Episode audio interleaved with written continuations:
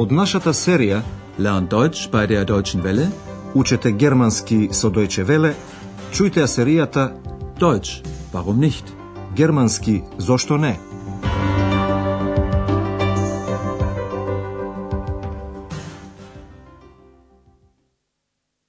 Драги слушателки и слушатели, денес ќе ја слушнете лекцијата 21 од серијата 3 со наслов Се ќе биде многу скапо. Alles wird sehr teuer. Во минатата лекција, доктор Тюеман им ја покажа на Екс и Андреас Бранденбуршката капија во Берлин. Исто така им раскажуваше за зидот, кој од 1961 година го обиколуваше Берлин и го делеше на западен и источен дел. Слушнете уште еднаш еден дел од раскажувањето и внимавајте на зависните временски реченици кои се воведуваат со als или bevor. Als sie nach Berlin kam, gab es die Mauer noch nicht. Und dann, plötzlich, über Nacht, war sie da. Das war furchtbar. Bevor die Mauer da war, war hier viel los. Man ging durch das Brandenburger Tor von Osten nach Westen, von Westen nach Osten. Aber dann war das plötzlich nicht mehr möglich. Со обединувањето на Германија и на Берлин во 1990 година, Берлин повторно стана главен град на Германија. Еден град кој толку време бил одцепен и развил свој живот после 45 години, повторно треба да стане главен град. Сосема нормално е при тоа да се смени животот на жителите на градот. Андреас, кој сака да стане новинар, интервјуирал неколку граѓани во Берлин со цел да го дознае нивното мислење за Берлин како главен град. Берлин повторно ќе стане главен град на Германија. Што мислите вие за тоа? Berlin wird wieder die Hauptstadt von Deutschland. Wie finden Sie das? Слушнете го сега првото интервју. Сконцентрирајте се на прашањето. Како реагира граѓанката на Берлин? Berlin wird wieder die Hauptstadt von Deutschland. Wie finden Sie das? Wie ich das finde? Na super. Endlich mal wieder eine Metropole. Со прав берлински диалект, граѓанката на Берлин го искажува незиното воодушевување. Таа смета дека е супер тоа што Берлин повторно ќе стане метропола. Wie finde? Na super. Endlich mal wieder eine Metropole. Слушнете го сега второто интервју. Ваша задача е да слушнете кои негативности, нахтајле, ги гледа граѓанинот на Берлин. Das finde ich gar nicht gut. Die Wohnungen werden teuer, die Lebensmittel, das Busfahren. Alles wird sehr teuer. Ich finde, das hat nur Nachteile. Според неговото мислење, негативноста е тоа што се ќе биде многу скапо. Alles wird sehr teuer. Тој набројува што се ќе поскапи. Становите ќе бидат скапи, прехрамбените производи, возењето со автобус. Die Wohnungen werden teuer, die Lebensmittel, das Busfahren. Тој донесува заклучок. Јас мислам дека ќе има само негативности. Ich finde, das hat nur Nachteile. Слушнете го сега третото интервју со еден такси возач. Тој се радува дека ќе заработува повеќе пари, Geld verdienen, иако треба да учи странски јазици, Fremdsprachen. Als Taxifahrer habe ich nichts dagegen, wa? Da werde ich ein bisschen mehr Geld verdienen. Und Berlin wird dann international. Da muss ich wohl Fremdsprachen lernen. Такси возачот нема ништо против Берлин како главен град. Како такси возач, немам ништо против. Als Taxifahrer habe ich nichts dagegen, wa? Напротив, тој си пресметал дека тогаш ќе се работува повеќе пари. Da werde ich ein bisschen mehr Geld verdienen. Тој се радува дека Берлин тогаш ќе биде интернационален град и додава. Тогаш ќе треба да учам странски јазици. Und Berlin wird dann international. Da muss ich wohl Fremdsprachen lernen. И постарата господја смета дека одлуката, Entscheidung, е добра. Таа окажува на политичката и географската положба на Берлин. Слушнете го сега ова интервју. Ich finde die Entscheidung gut. Sehr gut sogar. Und wissen Sie warum? Weil das für Europa gut ist. Berlin liegt in Westeuropa und gleichzeitig sehr östlich. So kann Berlin eine Brücke zum Osten werden. Најпрви, господјата се согласува со таа одлука. Ich finde die Entscheidung gut. Sehr gut sogar. Потоа таа го образложува незиното мислење. Und wissen Sie warum? Weil das für Europa gut ist. Таа укажува на значењето на Берлин во Европа. Политички гледано, Берлин е еден дел од Западна Европа.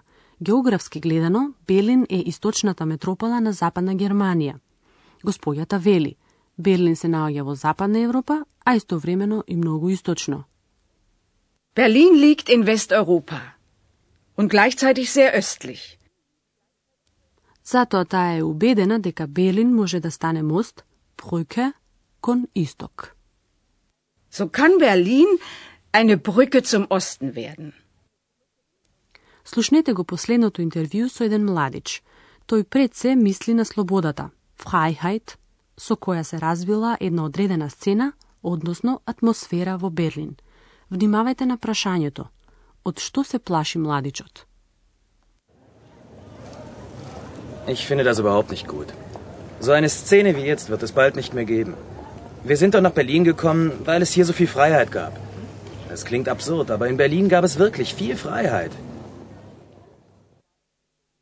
Младичот се плаши дека една ваква сцена во скоро време нема повеќе да постои. So eine Szene wie jetzt wird es bald nicht mehr geben. Со зборот сцена се начнува една тема многу карактеристична за Берлин. Токму поради одделеноста на Берлин од Сојузна република Германија и неговото постоење во Демократска република Германија, како остров, многу млади луѓе беа привлекувани од тој град. Таму може да живеат според своите представи.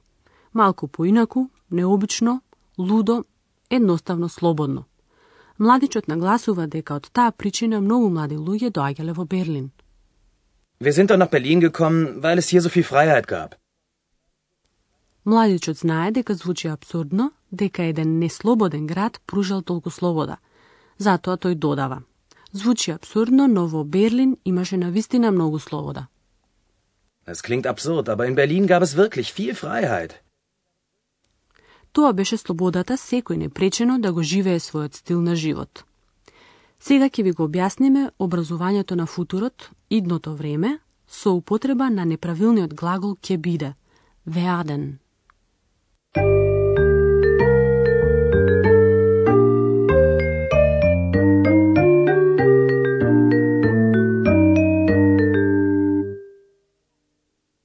Со веаден како помошен глагол и со инфинитивот на некој втор глагол, се образува футур еден.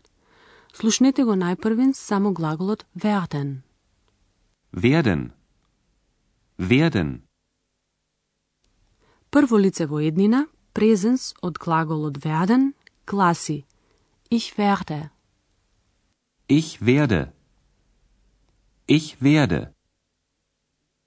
Слушнете сега еден пример за футур. Werde и инфинитивот на еден втор глагол на крајот од реченицата. Da werde ich mehr Geld verdienen. Трето лице во еднина, презенс, гласи wird, значи има промена на основниот вокал. Es wird. Es wird. Слушнете сега еден пример за футур. Wird и инфинитивот на вториот глагол. So eine Szene wird es bald nicht mehr geben. Употребата на футурот во германскиот јазик не е толку строга.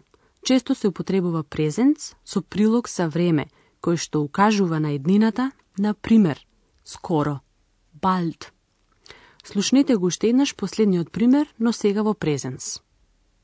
So eine Szene gibt es bald nicht mehr.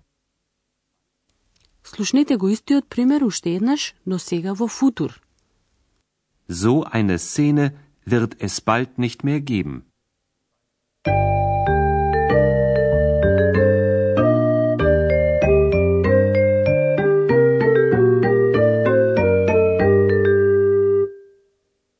Слушнете ги сега уште еднаш петте интервјуа.